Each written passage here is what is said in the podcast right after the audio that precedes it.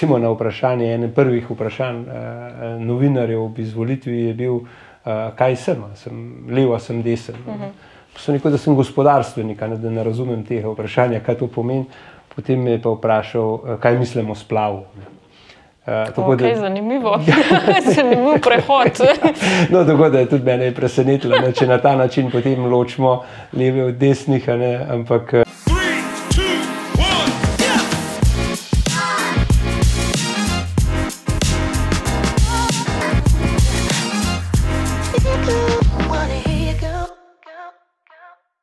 Objavim, kar koli naredim, so fakti. Sam ja, zdaj ja, ne rečem, ja, zdaj, ja. ampak pa če eden je bil pa malo tak, eh, nekak je, je pa želel videti, iz kje sem vir pobral. Uh -huh, uh -huh. Na to se na vsake tok časa zgodi to, in pa ga pa, pa, pa objavim. Pa, ja, pa, ja. pa, pa rečem, ne, v tem primeru je bil KPK. Pa uh -huh, nek uh -huh. link, ne, zato da se ljudje lahko prepričajo. Uh -huh, uh -huh. Namenoma pa nočem naprej nekaj objavljati, če pa koga zanima. Ne, objavljati, pa da ne drži, to je najslabše, mm -hmm. da bi se ja. nekaj spomnil. Ne. Um, ampak zaenkrat uh, to je zelo odvisno, kaj delam. Včasih je na X-u, imam mm -hmm. je, ja, je, je kar, kar veliko objavljati. Ja. Zdaj sem videla, da ste um, Niko Kovač, se mi zdi. Dajmo si naliti čistega ja, vina. vina. Sem čist, hodila sem še prav preveriti, pa, sem, pa mi zmanjkalo časa, v čem se je že šlo, kaj ste napisali. To.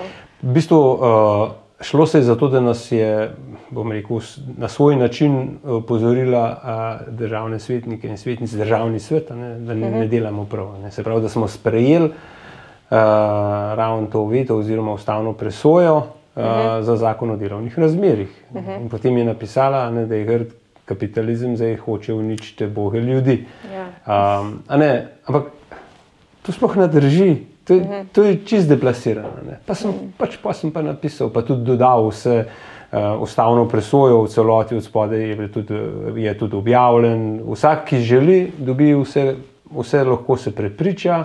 Um, malo voda pa mora biti taga. Uh, ne more se pa jih tam vsak spomniti, pa nas uh, ne vem hočem reči, da nisem hotel biti prav prijazen na začetku, da sem hotel malo mal sprovocirati. Ja, ja, ker, ker če ona noče se pa spustiti ravno na njen nivo. No.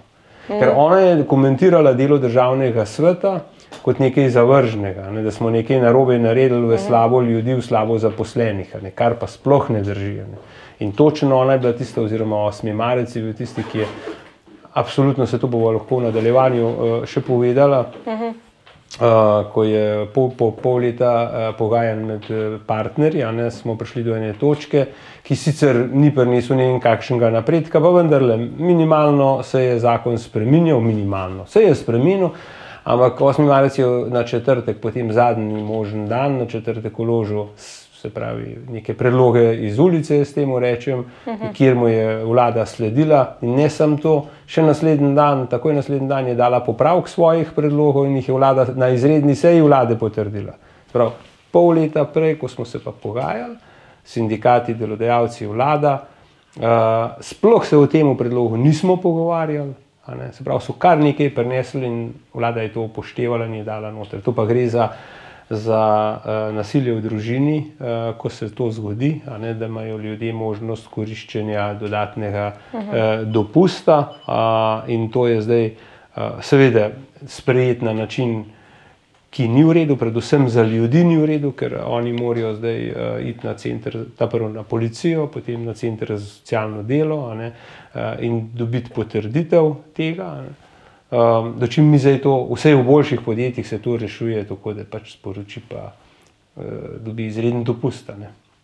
Aha, zdaj, Človeka, zdaj bo pa več postopkov. Zdaj bo pa ta zadeva, kar ne preosebna, ne, preko zdravnika uh, hmm. bo šlo, in potem imamo takoj vprašanje osebnih podatkov, kako hmm. lahko delodajalec potem razpolaga s temi osebnimi podatki, kdo je žrtev, kdo je, uh, kdo je nasilnež, a ne tukaj noter. In, um, en kup potem prepovedi, uh, lahko še približevanja, kdo bo za to odgovarjal v podjetjih. To niso mhm. tako enostavne zadeve. Mi jih rešujemo v podjetjih na ta način, ko se zgodi, če se zgodi kakšna taka zadeva, ne, uh, da pač daš človeku proste dni, ja. da uredi te rekel, preselitev. v, iz osebnih izkušenj tudi lahko rečem, pa ne za take razmere, ampak lahko dobi kombi, lahko dobi pomoč pri selitvah, a ne na splošno. Ja. To je povsod tako. Zdaj, to so pa naredili na način, da uh, bom rekel, na prvi pogled mogoče res deluje, da pomagajo. Uh mhm. Potem, če, pa, če bo pa prišlo uh, do tega problema, bomo pa pravzaprav onemogočeni izvedbe, zaradi tega, ker bo uh, informacijska pooblaščenka pač povedala, da se teh podatkov ne sme pošiljati, ne, kar se jih itak ne sme. Uh -huh. uh, in potem bo kaj? Mr, mrtva črka na papirju. In porušen zaupanje pardon, med, med, med delodajalcem in delojemalcem. Ampak to je um, meni zanimiv fenomen, nasploh te Nike Kovač, pa 8. marca, ker, ne, kot ste že povedali, vi ste se prej že pol leta pogajali, pa ni bilo nič iz tega, pa, pa pride 8. marc, pa vloži nek zakon, pa je bilo to kar takoj urejen. Pa tudi že naprimer to, a ne kako ona po X-u napada politike z neko dolgo kilometrino, a ne pa recimo uh -huh. Kot nekega politika, pa podjetnika, ne, tudi do, z dolgo kilometrino. Ona pa v bistvu sploh nima nekaj, mislim, ni kakšen nek strokovnjak, da bi imela kaj za pokazati, da bi se res lahko zdaj tukaj oglašala. Ja, jaz sem pripričan, da je treba pač temu, temu odreagirati. Takrat, ko pride do enega takega, ne vem, pa nam reko napada, ampak nekaj, predvsem, če to, če to njeno pisanje kaže na nepoznavanje zadev, ne, kar sploh ni res, in takrat se je treba pač oglasiti in jasno pač povedati, da nima prav. Mm. Vse, v bistvu, po mojem odgovoru ni sledil nobene, nobenega komentarja več. Ponovadi se pa ostava. Ja. Ampak ja, ne, meni se tudi zdi prav, da se na to odreagira, ker potem se kar. Mislim, širijo se neke take lažne informacije, pa polona daje nek vtis, da, da ve, ja, o čem ja. govori. Na v bistvu, robu joka. Na robu joka, na robu joka, da se ji krivica dela, pa vsi njo napadamo, ona pa nobenega. Ja. Um, ampak mislim, meni ta njen pristop mi je tok tako neciviliziran, pa tako žaljiv. Mislim, že to, da se, gre za vso človeka, konc koncev, ne pa pozabi, ok, politično kilometrino, pa drugo kilometrino, ampak dajmo že iz vidika tega, da smo ljudje, ne dajmo nekako, če že ona tak zagovornika, ne neke strpne družbe. Ne, iskreno, jaz kar berem, pa tudi vem, da ona ni zagovornica strpne družbe, ne ravno nasprotno. Ona pač je zagovornica svoje ideologije, ki, za katero je šolana, to moramo mm. vedeti. Pač, če to pač poznaš in potem veš odreagirati, jaz se tukaj notim, vse to mi verjamem, da vsi tisti, ki se malo ukvarjamo.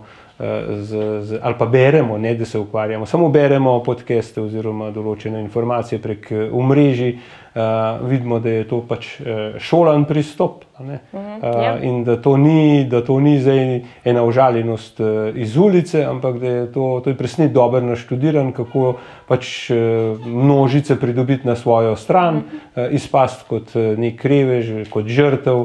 Ja. Uh, in zato je pač potreben. Uh, ja, Neko skupino imeti ljudi, nekega vodja, in to ne v Sloveniji, ampak tudi v svetu obstaja. Ne. Jaz si naslepim, da to ni dobro strenirano. Ja, se strinjam, drugače pa mi snimamo. Ja, Mislim, ok. no, v glavnem, pa da naredim en, en uvod. Uh, dobrodošli spet v podkastu na tekočem. Uh, zdaj le nas spet uh, malo dolg časa ni bilo, so bile pač druge stvari, ampak hvala Bogu, spet snimamo. In uh, danes je z nami Marko Lotrič, predsednik državnega sveta. Hvala, ker ste prišli. Z veseljem. Um, jaz bi pa, prijem gremo zdaj naprej, sicer smo že nek uh, dialog tukaj imeli, ampak prijem gremo naprej v epizodo, bi se na tej točki sam še zahvalila portalu 24.si, kjer so nam v bistvu ful pomagali uh, pri, pri izvedbi podcasta, da lahko spet snimamo. Gre pa v bistvu za osrednji uh, slovenski portal z novicami sveta zabave, gospodarstva in politike, tako da vam pač res priporočam, da si to malo pogledate. Uh, tako da, ja, uh, mi dva smo zdaj v neki kovač, malo mal jo zanalizirala, ampak ja, se je v bistvu. Oh, žalostno, no, ampak meni včasih je pol že kar malo škoda besed zgubljati za, za take nizkotne pristope, ampak ja, žal to imamo v Sloveniji. Jaz bi pa v bistvu, um, glede na to, ne, da ste predvsem uh, podjetnik, ne, Zdaj, uh -huh. tako mhm. se tudi, se mi zdi, radi opredelite, a ne se ne opredeljujete tako politično, ampak bolj kot gospodarstvenik. Ne. Ja, glede na to, da imam pač skoraj 40 let delovne dobe v, v gospodarstvu, 5 mesecev, 4 mesece, manj 5 mesecev. Uh, gre za to, da pač sem nekako uh, poskusil v življenju delovati te aktivnosti, od tega, da sem bil uh, pač vajenc, da sem bil zaposlen, da sem, uh, bom rekel, uh, seveda potem izkusil začetke obrti, obrtništva, mm. uh, da je ta obrt potem prerasla uh, že potem v podjetje, pa da smo postali na zadnje, uh, bom rekel, mednarodno podjetje. Uh, ja, uh, si seveda štejem za to, da sem gospodarstvenik in tudi moja orientacija je temu primerna, se pravi, um, res se ne počutim, uh, recimo na vprašanje, ene prvih vprašanj uh, novinarjev ob izvolitvi je bil, uh, kaj sem, sem levo, sem desen. Uh -huh. Sem rekel, da sem gospodarstvenik, ne, da ne razumem tega vprašanja, kaj to pomeni. Potem me je pa vprašal, kaj mislim o splavu. Ne. Uh, tako okay, da, zanimivo, zanimiv prehod. no, tako da je tudi mene presenetilo, ne, če na ta način potem ločimo leve od desnih. Ne, ampak, ja, okay, no. ja, seveda. Mhm. v redu, to, to je bila ena, ena taka zanimivost za začetek. Ja. Drugače, kot gospodarstvenik drži. Um, kako, kaj, se pravi, vi ste bili dolgoletni direktor podjetja Lotrič Metrology. Ne? Uh, in me zanima, v bistvu, kakšni, kako ste sploh prišli do ustanovitve tega mednarodnega podjetja, kakšni so bili vaši začetki sploh? Um, ja, res 1. aprila uh, 91. leta. Ne rečem, takrat je bilo 91. leta, pač je bila tudi ustanovljena naša država, uh -huh, uh -huh. uh, prej na referendumu izglasovana, potem pa potrjena in vmes uh, ravno v takem času, kot sem jaz to ustanovil 1. aprila, ne, uh, se, so se že začeli pripravljati. Uh, Ja, a bo vojna ali ne bo vojna, kaj bo. Po drugi strani je bilo pa čutiti v, v gospodarstvu ali pa med, med kolegi, kar je na veliko naklonjenost po samostojni poti. Ali je, je bilo to res tako obdobje, ampak lahko rečem, da, da je bilo več kolegov, kolegic se je odločil takrat, da, da gremo na svojo pot, na svojo. Se pravi, vsak za sebe. Jaz sem takrat v garaži ženjenih staršev v Doleni vasi. Uh, Dolenja vas je mogoče najbolj znana, zdaj po skakavcih, prevcih. Uh -huh. yeah. uh, tam odprl uh, to delavnico, uh, kjer, kjer sem bil sicer samo eno leto, uh uh, ker sem v tem času potem že svojo ženo zgradila, pa tam v, kot prizidek pri mojih starših, uh, delavnico, v katerih so bila pa pač potem uh, par let. Um, začetek ja, je bil tak, da sem um, eno podobno dejavnost, uh, podobno dejavnost upravljal uh, prej v podjetju Tehtnica. Uh, ena je bila v železnikih, ena je bila v Kranju. Um, in tam, glede na to, da je ta v Kranju upravljala to poprodajno aktivnost, sem nekako uh, bil tudi. Uh, nekako videl, kaj bi se dal delati no, na ta način. Eh, Sveda so pa v tistem času ta podjetja nekako eh, nazadovala, niso imeli nobene, nobene perspektive, niso več videli, tako da so se potem ta podjetja se tudi zaprl, um, ker takrat ni pač direktor in uh, vodstvo ni, ni, imel, ni imel vizije. Uh, sam sem pa to zadevo drugače videl. No? Uh, in uh, ja, tako da je bil pač ta 1. april. 91. leta en tak štart. Vsi vemo, da smo potem iz dinarjev prišli v, v, v bone, pa potem v tolarje. To je bil tudi en tak, bom rekel, kar hud preizkus, eh, ker nismo vedeli, kaj bo dejansko, kaj bo s temi izdanimi računi, ne, v neki valuti, a se bo zdaj to, a bo prišel denar ali ne bo prišel. Ne, skratka, so bili tudi eh, ostali taki, bom rekel, momenti, ki ki nas je postavilo v, v skrb, kako za preživeti uh, družino. Ženo so pač imela takrat uh, dva otroka že, uh, in uh, ni bilo to enostavno. Ne, uh, zato, ker uh, začetki pa, tako kot vedno, naporni v smislu temu, da nimaš strank, niti ne poznaš dobro svojega dela, ki bi ga lahko ponudil malo večji širini. Recimo, Prvo iščeš trg na način, da je bližji, čim bližji rekel, sedež v podjetja, potem, potem rečeš v redu, zdaj bo pa to neka, ne če bi danes rekel občina, ne, pa potem naprej kot pokrajina in potem enkrat usvojiš celo Slovenijo. In gre naprej, dejansko tako smo, tako smo tudi razvijali ne, podjetje, tako da v letu mislim, da takrat tri, leta 93, potem po dveh letih, ne, sem zaposlil prvega sodelavca. Ne. To je bil, večkrat rečem, res, da je, bil, to je bila največja rast v zgodovini podjetja. Ne. Ker za 100% ne povečaš kar tako število zaposlenih. In um, spremeni se velika. Uh, ja. Po eni strani zaposliš zaradi tega, ker si potem čutiš, Vse tako sem sam razmišljal, da imam tudi jaz sam večjo socialno varnost.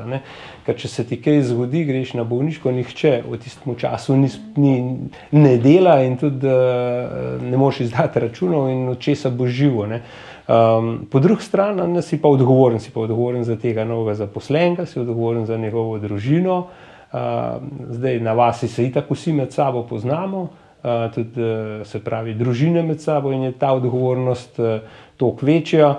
Ampak se mi zdi, no, da, da je človek malo mlajši, jaz sem bil sam takrat star 28 let, uh, to malo drugače sprejemaš. No. Uh, uh, kljub vsem, vsem vem, skrbim, uh, se je lepo, jih, jih sem jim nisem prepustil, no. sem raje razmišljal na to, uh, kako naprej, pa sem, sem pa spoznal enega.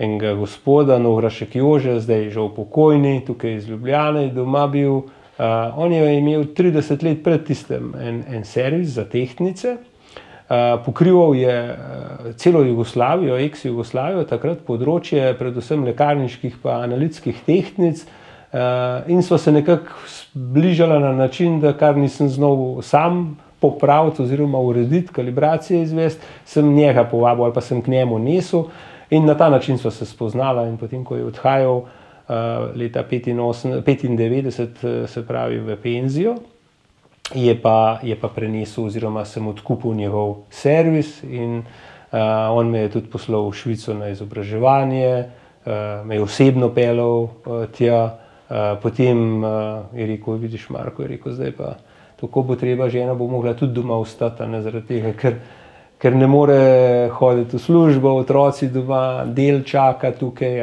zdaj dva sta bila že dodatno zaposlena. Uh, in jaz sem rekel, v redu, sem, ne, tukaj on ne zna, ona ne more delati po pravilu tehnica. Ja, prav vse drugega dela, kdo bi pa zdaj zaslužil za njeno plačo. Skratka, to so taka vprašanja in je rekel, ni problema, gledaj, jaz bom prišel k tebi toliko časa, vsak mesec, da bom zaslužil za njeno plačo. In, in je prišel in je pomagal, mislim, res, eh, a ne v takih, eh, kako ne rečem.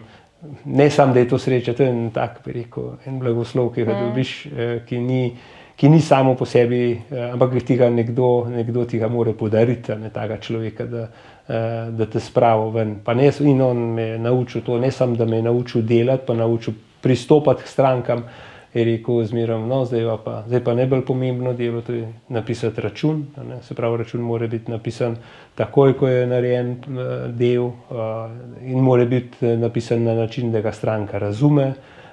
Da jo obvestiš, kaj bo že predhodno, ne se pravi z dobavnico. Sveda, to so te, mogoče za nekatere čisto osnovne, ja, in čisto osnovnih stvari nas ni nikdo, nihče v, v šoli učil, ne, ali pa mhm. kjerkoli, da, da bi to lahko videl. On je pa to na tak zelo enostaven način, z prakse, lepo povedal. Uh, in res sem mu zelo hvaležen, da, da, da smo si prekrižali tako lepo pot. Uh, uh, ja, bil je pa strasten lovc. Uh mhm. -huh. Tako da torek, sreda, četrtek, je bil pa pri nas. ha, lepo. Ja, um, v bistvu, kako pa uh, to, da ste se potem odločili za prestop v politiko, kot zdaj predsednik državnega sveta? Ne? Ja, mogoče, če, če tam kaj mehen potegnem še ne, uh eh, -huh. Mhm. to podjetniško pot, eh, potem je bila, eh, se pravi, smo, ko smo se, ko smo se preselili, ko z ženo smo preselili de, delavnico doma, domov, potem smo zapolnili vse prostore doma od vem, garaže, eh, do kleti, mm. do tistih prostorov, ki smo jih zgradili, smo rekli, da bomo pa rabili nekaj več. In potem smo leta 2004 se preselili v poslovne prostore, kjer smo še danes. Uh -huh. uh, potem smo v nadaljevanju, um, ja, tako da smo bili v enem nadstropju, pa potem v drugem in tretjem, in potem nam je to v zadnjih letih že bilo pretesno, tako da smo še v železnikih. Eh, kupili nepremičnino, jo obnovili, eh, tako zunaj kot znotraj. Tako da zdaj smo pač na, eni, na enih površinah, ki nam nudijo dobre laboratorijske pogoje. Uh, tudi uh, rekel, te pisarniški prostori tudi morajo biti, uh, rekel, ne samo da, da obstajajo, ampak morajo biti prijetni za, za delo. In uh, v tem času smo pač od leta 2006, se mi zdi, da smo da recimo do takrat nismo imeli, pa nismo potrebovali marketinga, ne, uh, smo slonili predvsem na storitvah uh, in samo na storitvah. Leta 2015 smo potem uh, nekako naredili prvi, prvo, prvi produkt, se pravi, poleg storitev, ne, izdelek in merilni sistem Exactum. Um, ki smo potem v nadaljevanju še dodali uh, blagovno znamko Trames, to so pa rekel, za avtomobilsko industrijo. No. Um, neke, neke naprave, ki testirajo, upozarjajo na napake, upozarjajo na to, da, se, da bo prišlo do izmetov uh, in da na ta način zmanjšamo. No. Usporedno smo pa iskali trg in na ta način smo pa pač eh, postavili podjetja uh, tako na Hrvaškem, v Bosni in Hercegovini, Srbiji, Severni Makedoniji, Avstriji, Nemčiji, zdaj v Briku v zadnjih dveh letih uh, pa se odvija tudi v Saudski Arabiji. Tukaj, da smo ta, ta uh, Expo, Expo Dubaj, ja, ja. no, Expo Dubaj nam je prinesel tega partnerja iz, uh, iz Saudske Arabije. Uh, tako da je to gre kar zasluga, rekel, temu sejmu, če uh -huh. smem reči, temu Expo, uh -huh. uh, kjer, kjer smo ja, bili dvakrat, dvakrat po en teden. Smo bili na tem, smo razstavljali naše, naše proizvode, naše storitve in na ta način pridobili, uh, bom rekel, partnerja, ki evo, zdaj pa. Zdaj imamo podjetje ustanovljeno, uh, določeno opremo nakupljeno, uh, postavljeno v laboratorij uh, pri njih, potem te postopki. Jezik je kar huda barijera mhm, tukaj. Uh -huh, uh -huh. Še takrat, recimo, ne, par let nazaj, ko smo se pogovarjali, je bila angliščina za dost. Ne. Ja. In vsi naši certifikati, oziroma naša končna, uh, končni izdelek je certifikat, iz katerega pač nekaj prebereš. Ne? In je zato jezik tako pomemben atribut. Ne? In uh, za angliščino nam je bil nobena težava, ne, tako kot v vseh ostalih državah in nemščina. In zdaj so pa v zadnjem letu zahtevali še njihov jezik, arabščino, da ga postavimo. To, pa, ja, to, to je pa zanimivo. Ja. To pa je malo, bom rekel, tako ja. malo šil za, za naše programerje, bil, ampak kakorkoli uh, smo, smo to tudi uh, uredili. No, in, uh, evo, potem smo pa mogoče še toliko. Uh, Da, sem, da smo v družini planirali, da bi um, imeli tri otroke, uh -huh in da so, smo se pogovarjali, da bi bili eh, pripravljeni pelati zadevo naprej, ne, mhm. podjetje. Tako da, da smo se pa odločili v letu 2017, da napišemo družinsko ustavo. Mhm. In sicer eh, ta družinska ustava ali pa dogovor je pravzaprav to, da se zmenimo, uh, se pravi, kaj so dovoljene transakcije v podjetju, se mhm. pravi, kaj je, koga bomo zaposlovali. Eh, kako, se, kako gre lastništvo, po kakšni krni liniji, ali, mhm, gre, mhm. ali se zaposluje družinske člane na splošno, partnerje. Skratka, odnose, odnose, to je v bistvu pogovor znotraj uh, družine. Uh, nam je tukaj veliko pomagala uh, podjetje Ernst Young, uh, kjer je imel, uh, oziroma zdaj EY. Um, tudi iz Nizozemske so prišli strokovnjaki njihovi in so nam malo pomagali pri pisanju tega, tega ker nima znanja, kaj napisati, noter, kaj ne, ne ja. napisati na to. Um, in nam je odlično, bom rekel, res uspel. Je pa to ene vrste uh, pogovor, na drugi strani ne sam strokovnjak z davčnega področja, pač pa mora biti malo psihologa, no, če ne tako rečem. Uh -huh, uh -huh. Ker jaz drugače gledam, sploh pa otroci, ki so bili v tistem trenutku. Uh, eden poročen, eden brez otrok, eden brez partnerja, študentka. Ne? Mislim, v čisto različnih življenjskih obdobjih smo bili in zdaj to vse skupaj pod en imenovalec, pravi, je bil kar, uh, kar izziv, ampak glede na to, da so vsi trije pa želeli, ne, da, da to enkrat res pač prevzamejo je bilo zelo dobro, ker smo potem, mi, ko smo to naredili, obvestili vse, eh, najprej vse zaposlene, potem kupce, glavne, bom rekel, dobavitelje, eh, potem banke, zavarovalnice. Tako da, da smo povprašali, ne, ko bo enkrat prišlo do menjave vodstva, ne, do menjave direktorja, a, da, a vidijo kakšno težavo, kakšen problem. In moram reči, da, da se je to res dobro izkazalo, ne, ker v, zdaj v lanskem letu, zdaj bo eno leto, odkar, dobro leto je, odkar sem predsednik državnega sveta. Um, in ko smo se začeli pogovarjati v redu za kandidaturo v, kot član državnega sveta, bi lahko upravljal, kljub temu, da bi bil še, do, še doma uh, direktor naprej ne, in vodil podjetje, ampak potem pa odločitev je pa pač uh, za kandidaturo za predsednika državnega sveta, je bila pa tudi toliko lažje v tem, uh, ker so bili pripravljeni uh, pogoji za to, da prenesemo dejansko doma ne, uh mhm. -huh. vodenje na, na, na mlad, na naslednjo generacijo. V podjetju je tudi uh, vodstvo oziroma kolegi, ki je že vrsto let upravljal svoje in je bilo, in je bilo z tega stališča odločitev, da grem v politiko, ne, uh, lažja, ker sem vedel, oziroma ker smo vedeli, da je doma uh, vse pod kontrolo, oziroma da bojo, da bojo uh, mladi prevzeli. Razumem. Ja, pa zdaj v bistvu me zanima, kakšen je bil za vas ta prestop iz podjetništva v politiko. Sicer v državnem svetu je še vseeno dosti teh, um, tega, pa gospodarstveniki so, pa sindikati, pa tako naprej. Uh mhm. -huh. Ni jih ravno državni zbor, ne, kjer, imaš, kjer so izključno politične stranke, ampak še vseeno, ne, kako je bilo za vas iz. Um, iz upravljanja tako velikega podjetja, ne, kot ste zelo opisali, pol prestopiti uh, v politične vode. Ja, zdaj, za neko tako odločitev, uh, se jaz zase lahko rečem, da, da je to na neko ravno prigovarjanje, ampak na nek dogovor uh, ljudi, ki, uh, med katerimi sem prej deloval. Ne. Jaz sem prej mhm. deloval tudi v različnih upravnih odborih. Eh, bil predsednik različnih uh, skupin, uh, obrtnikov, podjetnikov. Na tak ali pa drugačen način sem se ukvarjal z vodenjem določenih skupin. Uh, no, in ravno iz ene od skupin sem bil tudi kandidiran potem naprej za, za, tega, za člana v, v državni svet. Uh -huh. Ampak ko smo pa videli, ne, da je, da imam, bom rekel, ne na zadnje, sam voljo, ne, da grem v to in da so realne možnosti, sem dobil to podporo uh, rekel, gospodarskega rekel, kroga oziroma uh. -huh. ljudi iz gospodarstva. In to je bilo pa, to je bilo pa tisto nekako največ, kar mi je reklo, v redu, če imam pa jaz tu podporo, potem pa lahko kandidiram, ne, oziroma sem se to odločil. Ampak sam začetek um, ja, je nekaj novega. Ne, tako, -huh. Če mhm. prideš na novo delovno mesto, to je zagotovo ta sprememba, drugačno okolje.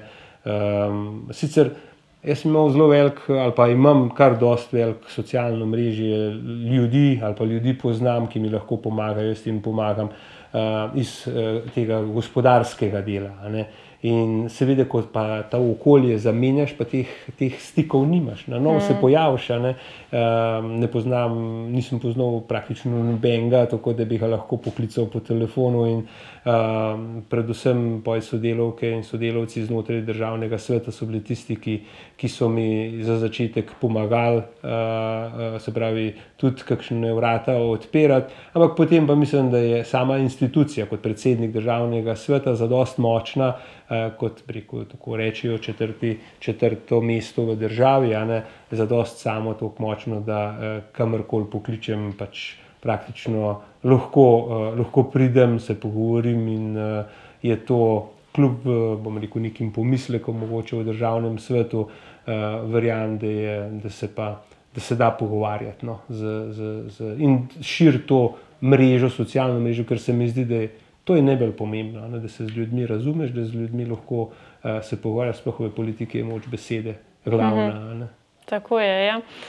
Um, kako pa zdaj, odkar um, ste vi predsednik državnega sveta, ne, je, ste v bistvu v obdobju dobrega leta, se pravi od decembra ja. 2022, ne, uložili že 11 vetov na zakone in pa šest ustavnosodnih presoj, kar se meni zdi kar veliko, ne v bistvu za obdobje dobrega leta.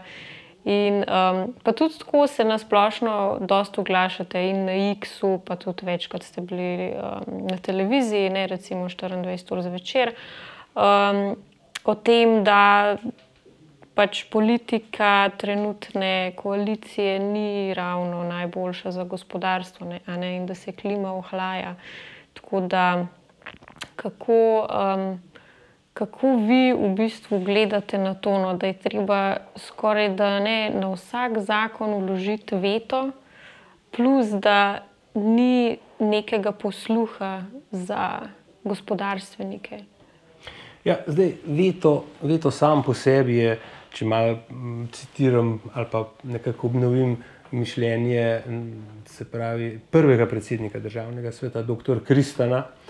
On je, on je rekel, da je veto time-out za državni zbor. Uh -huh. Sprav, dajte še enkrat premisliti, ali je ta predlog zakona res dober, tako kot ste se ga mislili. Namreč državni svet je ocenil, da pač ni, zato dajemo veto. Uh -huh. Oziroma možnost, da ta zakon pač zavrnete in v ponovnem postopku izboljšate.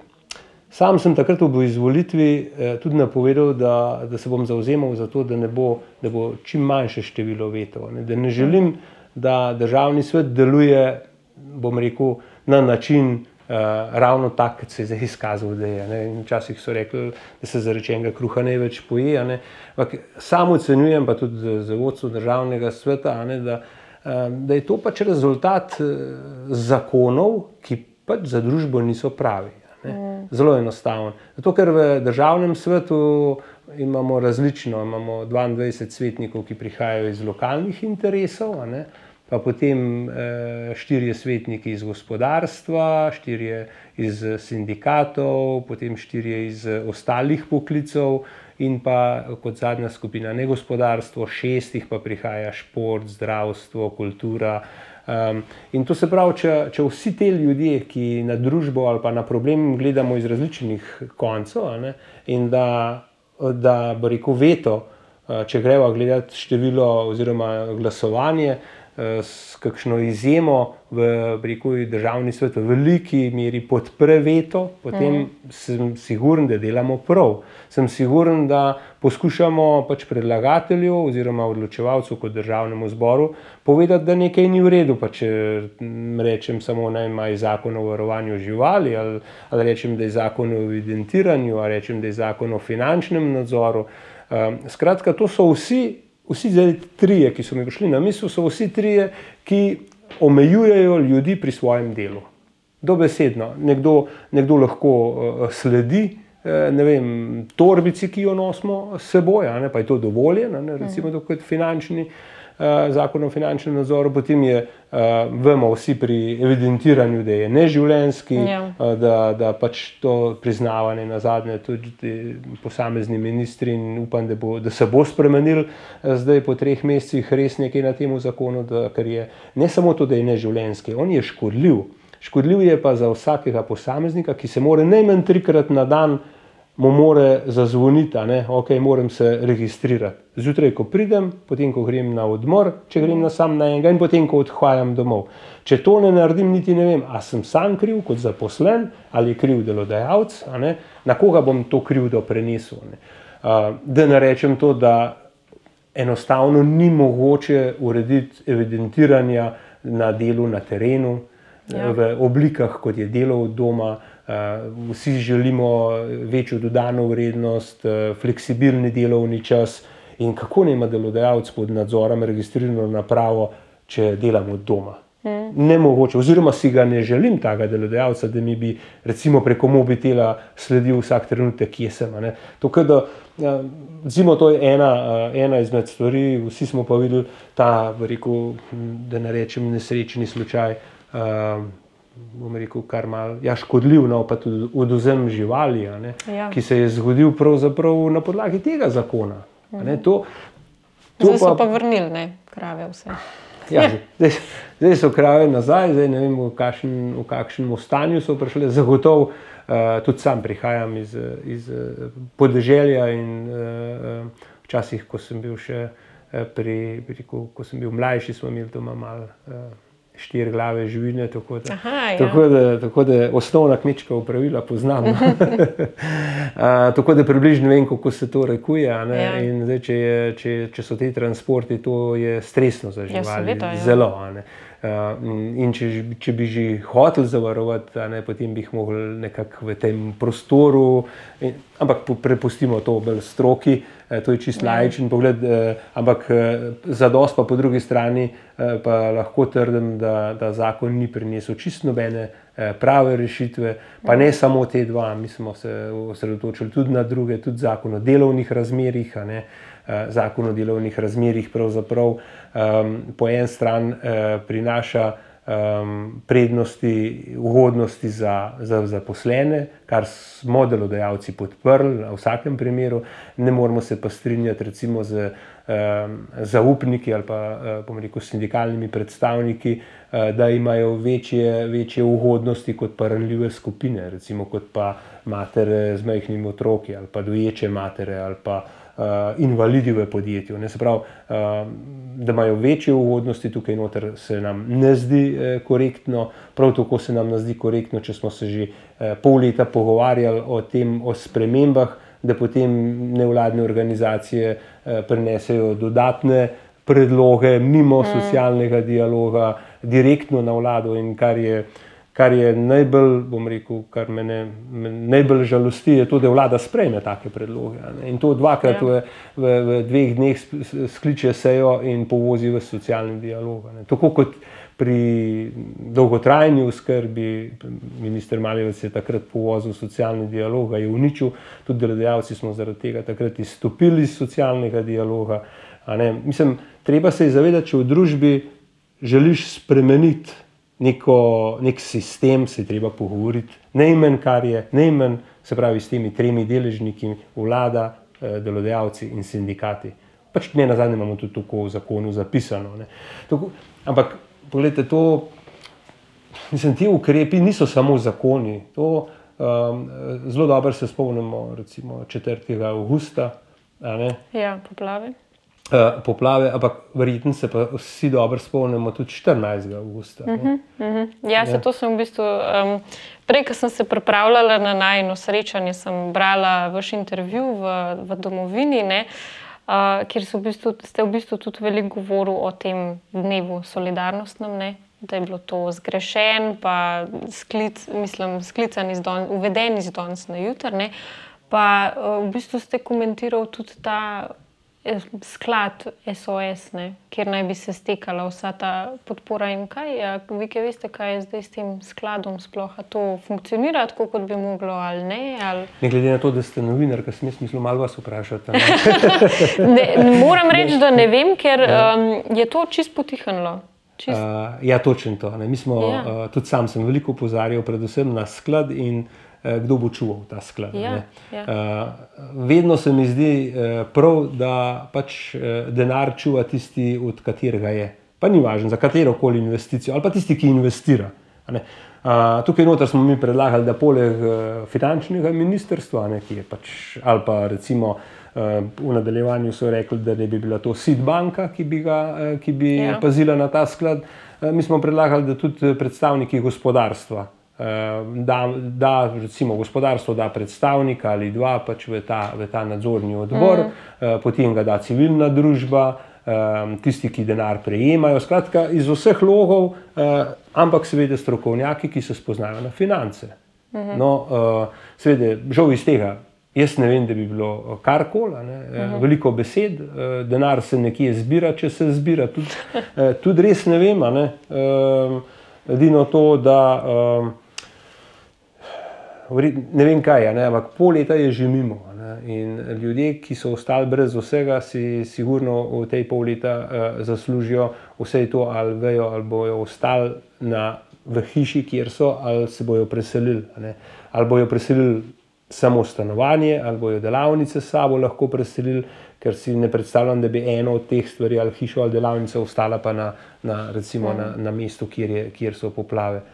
Po drugi strani pa zelo dobro poznam, kako je bilo v železnikih leta 2007, kjer so tudi poplave prišle, ne, kjer, smo, kjer je bilo, um, bom rekel, ne v takšnih raz, rekel, ja, velikosti škode, ampak seveda so bile poplavljene, uh, se pravi, cele, cele proizvodne, uh, obrti, delavnice. In, um, vem, kako smo takrat obnavljali, pa tudi kako se, recimo, so se potem ceste obnavljale. To se, to se je delalo več deset let, recimo tudi še danes poteka uh, gradnja zdaj zadrževalnika ne, po, po, po 17-18 letih. To ne bo zgrajen jutri, ampak mm. v osnovi se mi pa zdi, da je bilo takrat poskrbljeno za to, da so ljudje vedeli, kje bodo živeli. Ja. Vse ostalo, vse ostalo lahko počaka na premislek, kje bo tekla glavna cesta, bo, eh, kako se bo vodotok naredil, kje bo most potem na koncu in kakšen most. Ampak prvo je pa treba za, za nas poskrbeti. Um, prej sem se tega 14. augusta res spomnil na način, da uh, Slovenci smo solidarni. To verjamem, da smo dokazali na različne načine. Um, Ampak, ko nam pa nekdo zaukaže, ne, da moramo biti solidarni, potem pa to ni solidarnost, ampak uh mhm. -huh. temu se pač reče, da je davek, prispevek, karkoli. In uh, potem narediti, uh, recimo, če bi ta ponedeljek, ne, bil, na četrtek, vem, da je bilo uh, sprejet zakon, ne, uh, na, v ponedeljek je bil pa že ta praznik. Ne. V tem mhm. času -huh. ni podjetja, količkaj velikega, da, da, um, da je lahko ustavil proizvodnjo. Kar nekaj mm. ljudi je kljub vsemu moralo delati. Uh, potem so se podražili, po delo v tistem dnevu se je bistveno podražil, kar na lepem je bil praznik. Uh, recimo, potem so bili uh, vem, v turističnih krajih, če si pogledamo, da kakšne kolone so se vile na morje. Ja, Namesto, to je bilo bi, pričakovano. Ja. ja, ampak enih 120 milijonov evrov smo, recimo, kot družba izgubili ti zdaj. Hmm. Če bi to se malo drugače zorganizirali, bi teh 120 milijonov bi bilo čez en mesec na, računu, na tem računu, kot smo prej govorili. Hmm. Nažalost se to ni naredil. Uh, in uh, imamo pa še zdaj uh, zakone, ki nam pa pač uh, gospodarstvo nalagajo kar izredne obremenitve. Uh, ja, tega sem se mislila tudi dotakniti. Ne? Jaz sem nedolgo nazaj videla na X-u nekega um, gospoda, ne vem kdo je bil, mislim, ne poznan, ampak je napisal na X, da v bistvu uh, prihaja iz, podjetniš, iz podjetniških krogov in da v ti mali podjetniki večinoma razmišljajo v Sloveniji, da bi, bi kar firmo dol zaprli, uh, tisti, ki so pa večji, pa več ali manj razmišljajo o prodaji oziroma o solitvi v tujino. Ne? Kakšne so pa um, kaj vaše informacije, pa kako kaj to na, na vaše podjetje vpliva? Zdaj, um, poslabšanje poslovnega okolja je najbolj izrazit z eh, zakonom, se je poslabšal z zakonom o čezmejnem upravljanju storitev. Uh -huh. uh, Ampak s... kaj točno sploh prinaša ta zakon? Ker jaz sem šla brati, pa moram reči, da nisem čist razumela, zakaj uh -huh. se mhm. sploh gre pri tem zakonu. To, pravi, to je posredovanje. Podjetja v Sloveniji dobijo uh mhm. -huh. delo v Avstriji, uh mhm. -huh. in potem ljudje hodijo, grejo na delo v Avstrijo. Aha. To je upravljanje, čezmejno upravljanje ja, storitev. Ja. In zdaj problem pri tem je bil, ne, da so davki in prispevki plačani od plače, kot jo bi zaslužil ta zaposleni v Sloveniji. Uh mhm. -huh. samo, en del, samo en del davkov je pa plačan od te razlike med slovensko in avstrijsko plačo. Recimo, zdaj, uh -huh. um, glede na uh, evropska pravila, je res tako, kot imamo zdaj narejen, se pravi, da je treba tudi za to razliko plačati eh, kompletne davke in prispevke. Ampak pametne države to naredijo na ta način, da v bistvu potem pokompenzirajo ta davek ne, pri dohodnini. Tako da človek, ki je dobil prej plače, jo bi tudi zdaj dobil. Uhum. Ampak z uvedbo tega dodatnega tega zakona o čezmejnem upravljanju storitev se je pa povečal davek na tem delu, a, se pravi avstrijske plače, In zaradi tega ima to 25 do 30 odstotkov nižja plača v končni fazi za, okay. za vsakega posameznika. Yeah. In zdaj, če se vprašava, ali bo zdaj še nekdo to upravljal v Avstriji? Ja, verjetno, da ne. ne? Mm. Zagotovo, da ne, zato se mu ne splača, čisto enostavno. Ali lahko zdaj podjetje podraži svojo storitev v tujini, recimo v Avstriji? A, ne, zaradi tega, ker ne bo konkurenčen, ker bojo prišli drugi. Zdaj smo v neki pa poziciji, ker ne vemo, kaj narediti. In kaj so podjetja naredila? Ja, sliš, uh, ustanovila so podjetje v, recimo, v Krapini v decembru, v mesecu nismo mogli dobiti več ne notarja, ne računovodja, da bi ti lahko odprl podjetje. Zato, ker so Slovenci množično odpirali tam podjetja. Uh, recimo podjetja so, se, so domačini prodajali od 15 do 30 tisoč evrov. Samo podjetje, zato da si lahko začel delati. Ja. Mi tukaj govorimo o kar precejšnjem tisočih ljudeh, ki so, pa mislim, da imamo na številko 28 tisoč ljudi v glavi, uh, ki so pač uh, do, na nek način zaposleni zdaj v, v uradno na Hrvaškem. In mhm. Slovenija je na ta način izgubila to takšno število davkoplačevalcev. Ja. In, ampak bolj kot smo mi cel let opozarjali vlado, da to ni v redu, da bojo podjetja poiskala rešitve in so jih poiskala. Poiskala so jih na Hrvaškem, kjer še nimajo evropskih direktiv mhm. upeljanih, in na Slovaškem. Mhm. Za enkrat, seveda, kaj bo v nadaljevanju, kaj bo čez dve leti, ali pa ne vem, miks, ko bo Hrvaška sprejela uh, uh, take ukrepe, ne vem, ampak podjetništvo in podjetniki, podjetnice se prilagajajo. To je pač osnovni način ja, delovanja. Logično prilagodiš se, na ta način imajo ljudje plače, dobre plače, ali pa obdržali so plače, zdaj Hrvaško vidimo, da je še bolj ugodna ne, kot mm. Slovenija. Tako da dve muhi na en mah je zdaj tisti naredil, ki je ubil, ko, ko je šel na, na Hrvaško. In to, to je za Slovenijo res strel v koleno. Ne. Na en način, a ne po drugi strani se pa mi zavedamo, da je to problem, eh, če zdaj v javni upravi pogledamo. Ne. Naši diplomati pa so ravno tako ljudje ali pa delavci, ki upravljajo čezmejno uh, ja. storitev. Ampak pri njih pa ta zakon ne velja. Uh, se, ja. pravi, se pravi, zdaj smo spet razdelili na zasebni in javni sektor. Ja, ja. Je, no, zato smo uh, bili prisiljeni dati ustavno presojo, ker nismo enaki pred zakonom. Čeprav mm. vsi na en glas uh, opijemo, kako je uh, pravo pomembno in ga je potrebno ščititi, in potem pa Eh, pri ljudeh, ne, pa popustimo, popustijo uh, vse zavore, samo da se čim več denarja hočemo pobrati kot država. Ne. To pa seveda uh, ni v redu, zato vsak išče svoj prostor pod soncem, ne svoj zaslužek, kar je edini problem. Mm. Kako pa vi, kaj um, v svojem podjetju razmišljate, ne glede na to, da, res, um, da smo vedno bolj nezanimivi za tuje vlagatelje? Da imamo že, se mi zdi, da smo dobili v enem letu tri nove davke, če se ne motim, zdravstveno zavarovanje, uh mhm. -huh. potem solidarnostni prispevek, pa dolgotrajna oskrba. Skrba bo še naslednje leto. Ja. Tako um, se mi zdi, da ste vi enkrat odgovorili, da je za 300 milijonov obremenitev v gospodarstvu, če se ne motim. Ja, samo v, letu, v, letošnjem letu, v letošnjem letu bo za 330-320 milijonov dodatnih obremenitev. Ja. Uh, zdaj, kako mi to uh, čutimo, kot lete, mi zaradi tega uh, ne, ne želimo zapustiti Slovenije kot, uh -huh. kot podjetje in to, ko se imamo tako imenovani pač, uh, uh, rekel, pogovor doma, tudi ne, uh, na vsake tok časa ampak tukaj zaveza naša je, da, da nas bodo morali naterati uh, iz Slovenije, če bomo šli. Uh, ampak je pa res, da imamo pač osem podjetij, pa, oziroma uh, sedem podjetij pa v tujini. Uh mhm. -huh. In mi pač upravljamo te storitve podobne kot v Sloveniji ali pa enake tudi v drugih državah.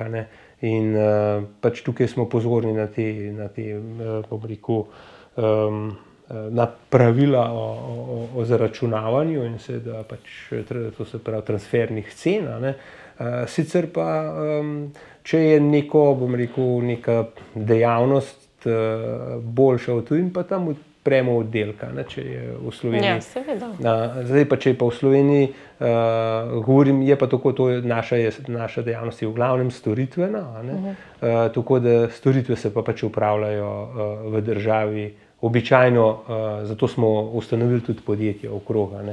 Um, večja skrb pri tem je, uh, upam, da se bo to pomirila, ne? večja skrb med podjetniki je to, ali res lahko gre zadeva tako daleč, da bi uh, dejansko podjetja začeli nacionalizirati.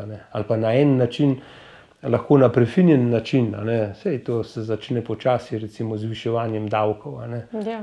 Um, narediti na to, da ne, da ne bi bilo več atraktivno v Sloveniji imeti podjetja. Ne? ne glede na to, da smo Slovenci. Ne? Jaz mislim, da je to večja nevarnost ne? in zato um, se lahko mora biti malo pozorni, ne kako. Kako praktično danes srednjega podjetja ne najdeš, da nima še enega podjetja od zunaj. Za mhm. vsak slučaj, za nek ja, backup. Ja, seveda, ja, ja. Ja, mislim, to je, ampak to je narobe. S tem ljudi ljudi dobesedno odganjamo iz mm. Slovenije. In, uh, zdaj, če se nekdo bolj varnega počuti v drugi državi, ne, to je nekaj zelo narobe. No. Mm. Pa ste, um, zdaj ne vem, kako je v zadnjem času uh, vaš dialog z vlado, vem, vmes ste izstopili iz ekonomskega socialnega sveta, ampak je zdaj mogoče kaj boljš, uh, so kaj bolj odzivni. Ali... No, po, izstopu, po izstopu smo imeli eh, ene, dva, tri sestanke s predsednikom vlade uh mhm. -huh. in pa nekaj na nivoju ministrov, uh mhm. -huh. predvsem tukaj z Boščančičem in z Mescem. Uh, govorimo pa o, o, o davčni reformi in pa o temu nesrečnemu zakonu o o štempljanju, o evidentiranju. Uh -huh, yeah. Tukaj sta zdaj dve delovni skupini ustanovljene in pri davčni je še tako, da je ena na nivoju vlade, ena na nivoju uh, ministra in ta uh, druga delovna, tretja delovna skupina je pa pri uh, mestu, se pravi za administrativne uvire. Tako da, um, kako naj rečem, iz vsakega sestanka ne, bi človek lahko šel dobre volje. Ampak, ker pa pač večinoma poznamo, na kakšen način se bo potem to odvil, ali se je pač odvil na način, ki ga smo pač predvidevali. Ne. Se ni odvil na po pričakovanjih ja. pač gospodarstva. Zdaj ne morem komentirati ali pa v isti lonc metati tega zadnjega dogovora, zadnji mhm. dogovor pač velja, delo v teh treh skupinah oziroma dveh delovnih skupinah. Uh, bomo videli, če, če bomo uspeli res pripraviti davčno zakonodajo.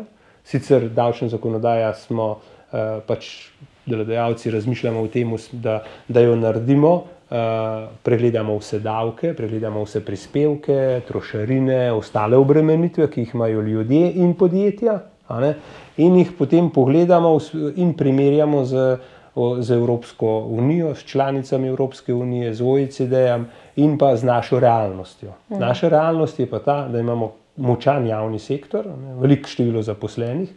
Um, kaj se tukaj da narediti? Moje osebno mnenje je, da, eni, da bi lahko pač počasi z upokojevanjem, normalno, uh, ne bi tega v vseh primerih bilo potrebno nadomestiti in bi v parih letih lahko to zadevo primerno rekel, zmanjšal slovenskim potrebam. Um, drugač pa um, rekel, te davke in prispevki pa pač morajo ustvarjati uh, pogoje za socialno državo. Ne?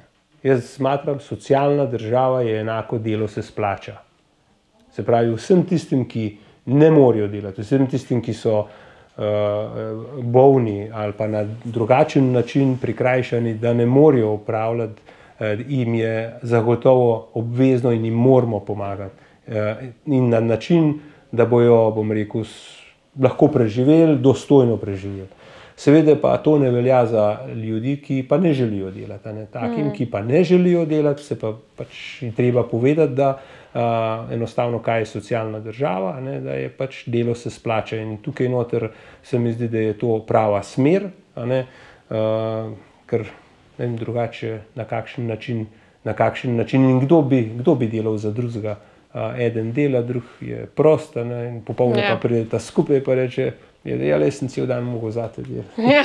ja, ne vem, ampak to je dejstvo. uh, ja, ne, to se strinjam. V Sloveniji imamo res um, ta privilegij, no, da smo še vsem do socialni. Um, ampak je pa res, da pod to vlado, ne, bom spet zdaj tako rekla, um, se, se mi zdi, da se nekako vse bolj zaostruje stanje, se pravi, gospodarstvo se duši. Uh, zdaj, če se namotam, nekatere podjetja so že mogla uh, ustavljati dele proizvoden, podjetje Talum. Se mi zdi, da ste to prav v enem intervjuju tudi vi omenili. Pa tudi zadnjič sem videla, da koroški podjetniki so dobili um, račune za uh, elektriko ali ogrevanje, nisem čisto sigurna. Za, Se mi zdi, za 300 evrov, prej je bilo pa tam nekje, nekje okrog 100. Tako da to, to je kar um, alarmantno. No?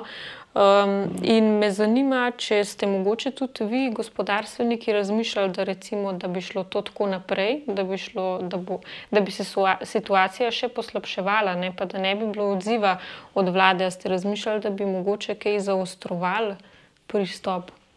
Um, ja, mi imamo v okviru rekel, gospodarskega kroga, kjer se združuje 15 delodajalskih organizacij, uh, tudi uh, znotraj teh petih reprezentativnih, ne, kjer, kjer smo socialni partnerji. Um, imamo redne sestanke, uh, dogovore, redne, pač to zavisi od situacije. Mm. Tako da smo se zelo res v parih mesecih srečevali praktično tedensko ali pa še večkrat na teden, včasih normalno pa je to, da se enkrat mesečno dobimo. Eh, normalno je bilo tudi, da se dobimo s posameznimi ministri, da nam razložijo situacijo, ampak zdaj moram reči, da trenutne razmere pa pač niso take, da in, in terjajo od nas, eh, rekel, rešitve, um, ki so mogoče ali pa bodo izgledale kot neka prisila. Ne? Uh, kot neko, uh, rekel, pa ne želim reči, izsiljevanje, zaradi tega, ker to ni izsiljevanje, to je pač treba eh, gospodarstvo eh, more pogledati dve stvari. Predvsem more pogledati na, na kapital, ki ga ima, to so ljudje. Ne, se pravi, najprej, kako se ljudje znajdejo v tej situaciji. Ali oni, bom rekel, eh, imajo tiste atribute, se pravi, a je plača taka, kot bi jo ljudje pričakovali, ne? ker sta tukaj noter zmerom, bom rekel, tako kovanci z obeh strani. Ne? Se pravi, na eni strani seveda plačo kreira uh, višina plače, po drugi pa višina prispevkov in davkov. Um, zdaj, prvi, ukrep, prvi ukrep, ki smo ga bili deležni v začetku leta 2022, ne, je bilo pač razveljavitev zakona o, o dohodnini. Uh mhm. -huh. Takrat smo vsi zaposleni izgubili, da jim rečemo, danes eno plačo na leto. Ja. In mislim, to je, to je zares škoda, ker ne, um, mladi imajo to ali pa imate to možnost, ne, da pač eh, z nogam poiščete, če tako rečem, in glavo boljše delovne pogoje. Zaradi tega je, eh, zaradi tega je država ali pa gospodarstvo bi morali narediti en tak, bom rekel, dogovor, medgeneracijski dogovor, ne, kjer, bi, kjer bi mladim poleg eh, štipendije ne, v domačem okolju ponudili seveda stanovanja zato da bi se lahko. Zato, da bi, super, ja. z, zato, ja, ampak se načeloma vsi govorimo v isti smeri. Pravi, bomo, bomo zgradili stanovanja. Ampak, gledajte, če, bi, če, bi to, če bi bilo to nekako, eh, da rečem, davčno bolj ugodno, ne, bi tudi podjetja pristopile k, rekel, tudi ne direkt izgradnji, ampak potem k nakupu določenih uh, stanovanj, uh, potem najemnin ali pa sofinanciranje najemnin, ker danes vidimo, da imamo recimo, um, se pravi, je Prevozna delo je eh, pač plačano eh, na različne načine, lahko kot kilometrina, lahko kot eh, vozovnica, ne? ampak nekdo, ki pa živi v, v mestu ali pa blizu delovnega mesta, pa ne dobi nič. Ne? Mm. Kaj, če bi razmišljali v tej smeri, da pa pač en del tega, ne, kot prevozna delo, bi lahko podjetje izplačal direktno za recimo neko najemnino. Ne? Ja. Ja, to, to bi že super. To bi podjetja delala, tega, ker eh, v primeru, da imaš pač voz, rekel, ljudi, ki se vozijo, imaš ta strošek. Ne? In uh, zakaj ne bi ponudil ljudem uh, možnost na drugačen način, se pravi, uh, variante tukaj državna blagajna ne bi izgubila uh, evro, ampak bi jih samo dobila in te. In ne, uh, mladi, predvsem, se mi zdi, da rekel, tega sodelovanja z gospodarstvom tudi ne čutijo. Ne? Se pravi, v času uh, študija, ja, da štipendijo, ampak vsak se zamisli, da potem se bom pa zavezal, to pa, to pa ni v redu. Pak, če bi pa mi, jaz sem enkrat imel eno okroglo mizo, pa sem gostil štiri mlade iz Slovence, Slovenke, -huh. ki so diplomirali v Sloveniji, potem so pa šli na tehnično univerzo v, v, v München. In vsi so povedali, ne, da je teorija, tehnično, mislim, znanje na zelo zavidljivi ravni, da to z lahkoto tudi upravljajo vse obveznosti študijske na podiplomskem študiju eh, na, na Tehnični univerzi v Münchnu ampak da kar, pa, kar pa ni primerljivo, je pa to, kakšne dobre pogoje za sodelovanje z gospodarstvom imajo pa v Nemčiji. To pomeni, da lahko grejo, eh, sodelujo na projektih, eh, če jim ne paše neko delo ali pa neko podjetje ali pa neko, neko okolje v podjetju, to zamenjajo. In ravno ravno to, ta povezovanje z gospodarstvom bi morali to ukrepiti. In te tri stvari, mislim, da bi, da bi eh, mladi, ne samo to, da bi ostajali ne, eh, več v Sloveniji, da bi predvsem izobražen kader ustal, zaradi tega, ker se po, rekel, po principu lahko, eh, se pravi, po naravi stvari se pričakuje, da bojo ustvarjali večjo dodano vrednost, eh, bolj izobraženi pa da se ponudi tudi prostor za eh, talente, da bi prihajali v Slovenijo. In Slovenija bi atraktivna postala tako za domače, za, za slovenke, slovence, mlade, kot za tujce. Ne, da bi en tak, ker smo zadost mehki, da bi lahko postali en tak hub uh, uh, razvoja. No. Zdaj ste v, bistvu, ste v bistvu kar dobre rešitve, no, naštel. Uh, ker recimo smo kar nekako, mislim, stanovanska problematika je tako ali tako skozi um, vedno bolj pereč problem. Ne? Jaz recimo kot 25 let stara punca, mislim, se mi trenutno veliko bolj splača še vedno doma živeti, kot pa da grem v najemniško stanovanje, kjer bi, dala, kjer bi imela mogoče ja, lih za hrano. Ne? Ostalo bi šlo pa za stanovanje, pa za stroške. In, um, ne, ne vem, zakaj ni na, na upravljalski, odločevalski ravni v državi takega zagona, ne, da, bi, da bi res se povezvali med sabo, pa ne ponudili mladim neko okolje, kjer, kjer lahko rastejo. Ja, pravzaprav, včasih lahko ali pa razmišljam, da, da je to tudi namenoma. Uh -huh. Veste, to je. Zdaj, uh, kaj, je, kaj, je, recimo, kaj je zeleni prehod? Če, sicer vem, da bo iz teme, ampak bom poskušal ja. priti nazaj. Kaj je zeleni prehod in kaj bi želeli z zelenim prehodom narediti? Ta, ta zeleni prehod ne sme biti uh, to, da bomo uh, mi zmanjševali recimo, vem, uh, uh, obdelovalne površine. Ne? Zeleni prehod ni to, da uničimo kmetijstvo. Ja. Zeleni prehod uh, uh, ni to, da bomo plačevali uh, drago elektriko. Zeleni prehod je je nekaj, kar, nam, kar, eh, kar, kar bi kazalo na to, da pospešeno moramo čuvati zemljo, pospešeno moramo mm. čuvati naravo, ampak dati pa vse možnosti za razvoj. Ne? Ampak razvoj je pa seveda nekje v našem okolju ne? in to je zemlja. Ne? In zemlja je draga. In potem mm. zeleni prehod se bojim, da včasih pravzaprav ravno nasprotno delujejo, kot bi mogel. Se pravi, je zaviralec razvoja. Ja. V tistem delu, ko bi lahko namenil uh, določene površine, stanovanja, karkoli za neko dejavnost, se pravi, za mlade, predvsem za mlade, ker pač mladi so tisti, ki, ki nimate stanovanja ne? um, in uh, ne želite, oziroma se želite odseliti, oziroma osamosvojiti, kar je kar smo itak mi tudi počeli, ko smo bili mm. mladi. Ja, uh, samo da bom šel na svoje, pa bom srečen. Ja.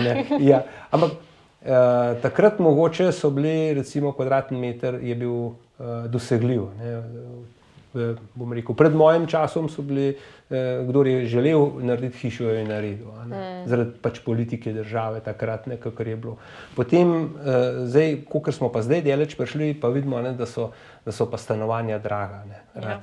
In to ni samo, to ni samo posledica eh, drage gradne, to ni samo posledica.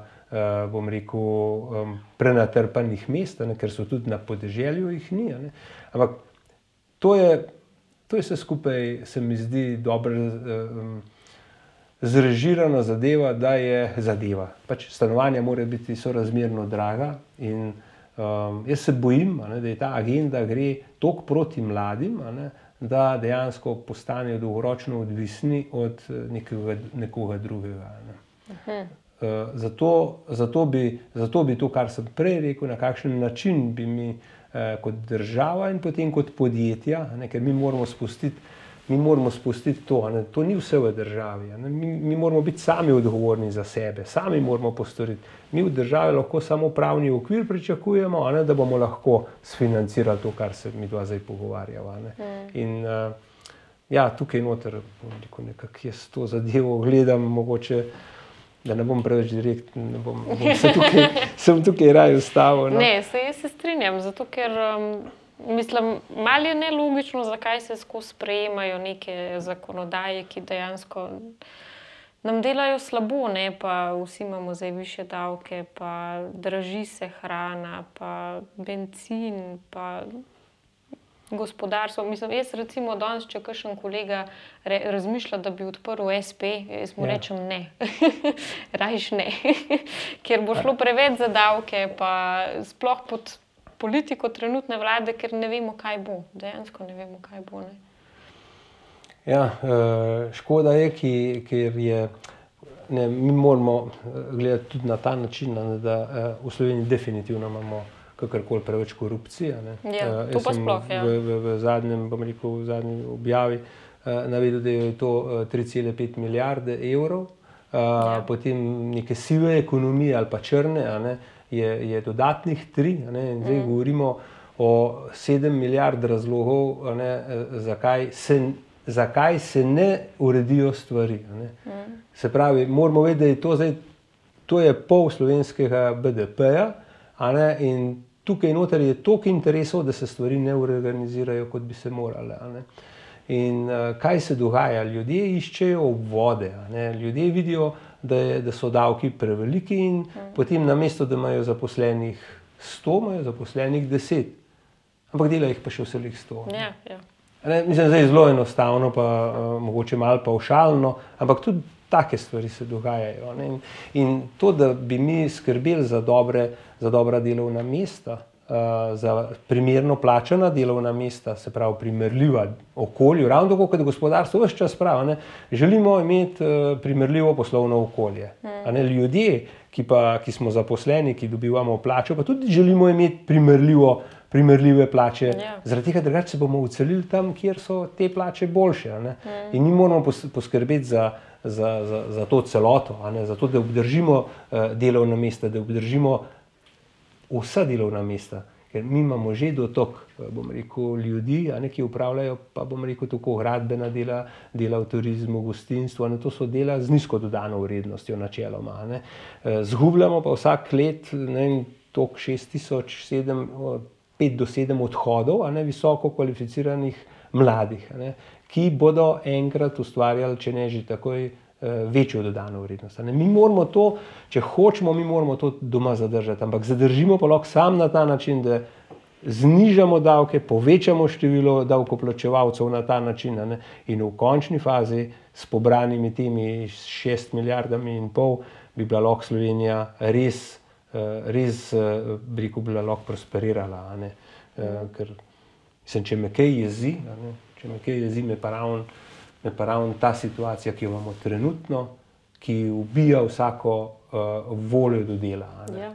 To, to, je, to, je naj, to, je, to je najslabije. Ne? In uh, ko rečem, kaj me jezi, to uh, je to, da recimo zdaj se, zdaj se pa ukvarjamo ne s šestimi milijardami, pa pol, ampak šestimi milijoni, pa pol, ne recimo sedmimi.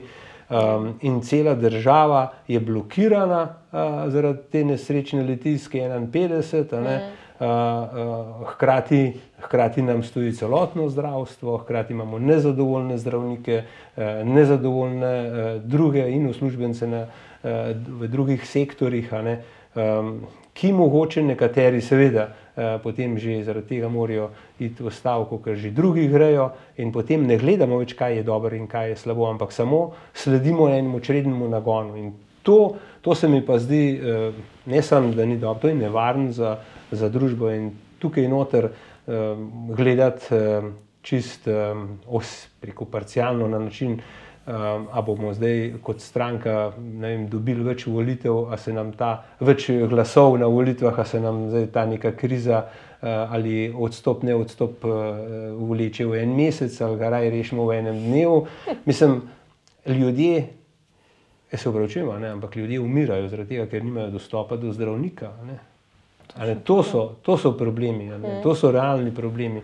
Ljudje bojo šli iz države, tega, ker, ker nimajo možnosti zaposlitve, ker nimajo uh, stanovanja. E, to so pa realni problemi, s katerimi se pa vsi mi srečo, srečujemo. In, uh, mogoče preveč, ampak to je vse res. Ja, dobro ste opisali celotno to vodlo, v kateri smo. Um, in me zanima, ali vi vidite mogoče kakšno rešitev, kako bi se skopali ven iz tega? Um, ja, uh, tudi sam, ko poskušam zdaj neko, nekaj deliti moje razmišljanje na različnih uh, teh uh, socialnih omrežjih, je to, da poskušam opisati rešitve. Mhm. Res, poskušamo pisati rešitve. Zdaj, če mi rečemo, da, da um, imamo v ustavi zapisano ustanovitev pokrajin in jih ustrajno pač ne uvedemo, te pokrajine, ne, ne samo da kršimo ustavo, to je še mogoče z z našega slovenskega uh, pogleda zelo tipično, da, da ne upoštevamo rekel, nekih pravnih ja, norm. Ne?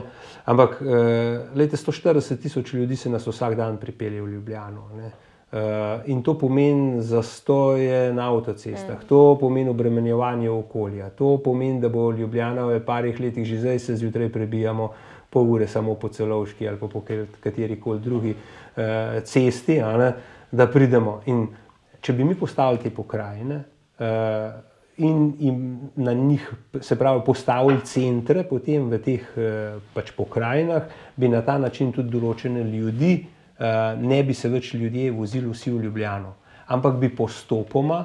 Z upokojevanjem, spet tako kot sem rekel, se potem nove ljudi, oziroma mlade, zaposlovali v svojem, v svojem okolju ljudje bi bili bistveno manj časa odsotni od doma, ker mm. vsako, recimo, ne, vidimo, koliko časa se uh, vozimo. In, in to, je, to je odgovor, bom rekel, in ne samo moj, ampak državnega sveta, lahko ne, na dekarbonizacijo tudi uh, pač Slovenije. Ne, uh, in lahko bi pokrajine bi z lahkoto upravljale vodotoke, vodo v skrbo, recimo v primeru slovenske istre ne, potem uh, prostorsko načrtovanje, ne na zadnje, v končni fazi tudi izdaja gradbenega dovoljenja strani pokrajine, ne, ne samo, da imamo, da imamo dejansko vse centralizirano. Ne. Um, in na ta način bi lahko tudi vodili, recimo, osnovno zdravstvo, sekundarno zdravstvo, se pravi, bolnišnice, regijske bolnišnice, bi upravljala, bomo rekel, ta pokrajina. In potem bližji učem, bližji srcu. Mm. Mislim, bolj, si, bolj smo odgovorni, če vidimo rekel, ljudi. In da so ti ljudje še nekako, da jih poznamo, ne, ker so ljudje tako vsi poznamo. In dejansko bi, dejansko bi na ta način, ne, z ustanovitvijo pokrajin, dali eno možnost ne, eh, razvoja, dodatnega razvoja. Ker če vzamemo to, da so eh, občine prvi nivo lokalne samouprave in dobro, da jih imamo. Vsem pomislekom na vkljub, da, da je kakšna preveč, da je preveč malih, ampak pogledajte, Slovenija se je razvila, uh, v, po, rekel, predvsem po, po, po uh, ruralnem območju, izključno zaradi upravljanja, dobrega upravljanja občin. Uh, strinjam se tudi s tem, da je mogoče kakšna preveč, ampak glede na to, da, da, jih zdaj, da jih pa zdaj imamo, pa nisem zato, da bi jih ukinjali, ampak zaradi tega, da bi določene naloge, ki jih mala, male občine ne morejo upravljati več dobro, ali, ali pa država na drugi strani pač prenesli na to, na to pokrajino in bi potem uh, iz pokrajine lahko vodili um, naloge. Ki smo jih malo prej naštevali, mm. potem ampak moramo vedeti, da v državi obstaja nekih 30 različnih uh, nivojev, od zdravstva, gasilstva, zaščite, reševanja, uh, šolstva, ne, in bi v tem delu lahko zagotovo vse do srednjega uh, nivoja izobraževanja, če smo pri izobraževanju vodili na, na, na, na pokrajinah. Predvsem vemo potem na pokrajinah, katere poklice se želimo. Bi bile lahko tudi pokrajine tiste, ki bi rekel, predlagale kurikule Eh, na kakšen način, oziroma kje želimo videti razvoj Slovenije. No. Da obstajajo, sigurno, da obstajajo uh, in na ta način bi se tudi center Ljubljane, center moči, uh, absolutno lahko porazdelil potem na, na te pokrajine. Ne, in uh, potem, kakorkoli gledam zdaj, državni svet in svetnike in svetnice, ali pa državni zbor, ne, je pač politi, državni zbor je pač politič, sestavljen iz političnih strank. Ne. Tukaj uh, je, bom rekel, odločanje, si upam trditi, uh, na podlagi stroke, strokovnjakov, strokovnjakin, ki so noterane. In evo, to, to bi bila ena uh, uh, možna rešitev. No. Mm, ja, to je res eden, eden izmed korakov. Um, zdaj, za konec bi vas pa še vprašala. Prejšnji teden smo bili um, priča enemu takemu kako bi rekla, dvoboju v državnem zboru med uh, predsednico državnega zbora in Pavlom Ruparjem. Ne? Če se spomnite, ko je Urška Klakočar Zupančič um, je bilo nekaj upitja, pa to ne. Pa že prej uh, smo videli, da se mi zdi, da je imela s poslancem Črnačem, da je tudi nekako um, hotla disciplinirati, pa ga posedla v klop. Um, pa me zanima, kako vi gledate na takšno, um, milo rečeno, nenavadno obnašanje no, za državni zbor, za predsednika državnega zbora. No. Uh, jaz lahko zase povem, da se trudim, uh, ko vodim seje državnega sveta, uh, biti do vsega spoštljiv, uh, vsakem pač dati besedo uh, in maksimalno izkoristiti poslovnik za to, da ljudje lahko, svetnice in svetniki, da se lahko oglašajo, da govorijo, da imajo replike, zato ker želim spodbujati ta dialog. Mm. In uh, vse, kar vidimo v državnem svetu, je to, da je nivo komunikacije res primeren, uh, rekel, političnemu uh, dialogu in pa strokovnemu. Mm -hmm. uh, sam si ne predstavljam, da bi povzdignil glas nad kom uh, mm. ali pa da bi uvajal nekaj, kar ne bi bilo nujno, če bi tako rekel. Um, če se če koga zanese. Eh, da mogoče predolg eh, govori, je moja naloga, da ga prijazno upolnim, ampak je vedno tako, da če govori, govori nekaj, kar bi kot tako.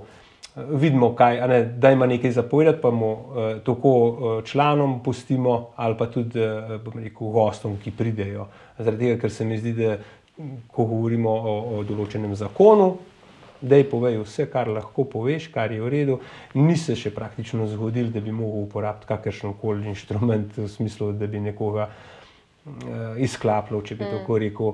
Um, ja, taki, uh, taki dogodki, bom rekel, zdaj ne vem, a me bolj nasmejajo kot kaj drugega. Uh, niso pa to v korist uh, neki, neki, neki, ne vem obnašanju v, v državnem mm.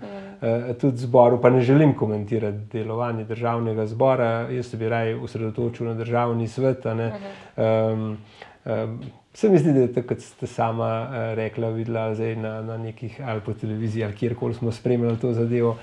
Verjamem, da nas je bolj zabavalo kot, eh, kot kaj drugega.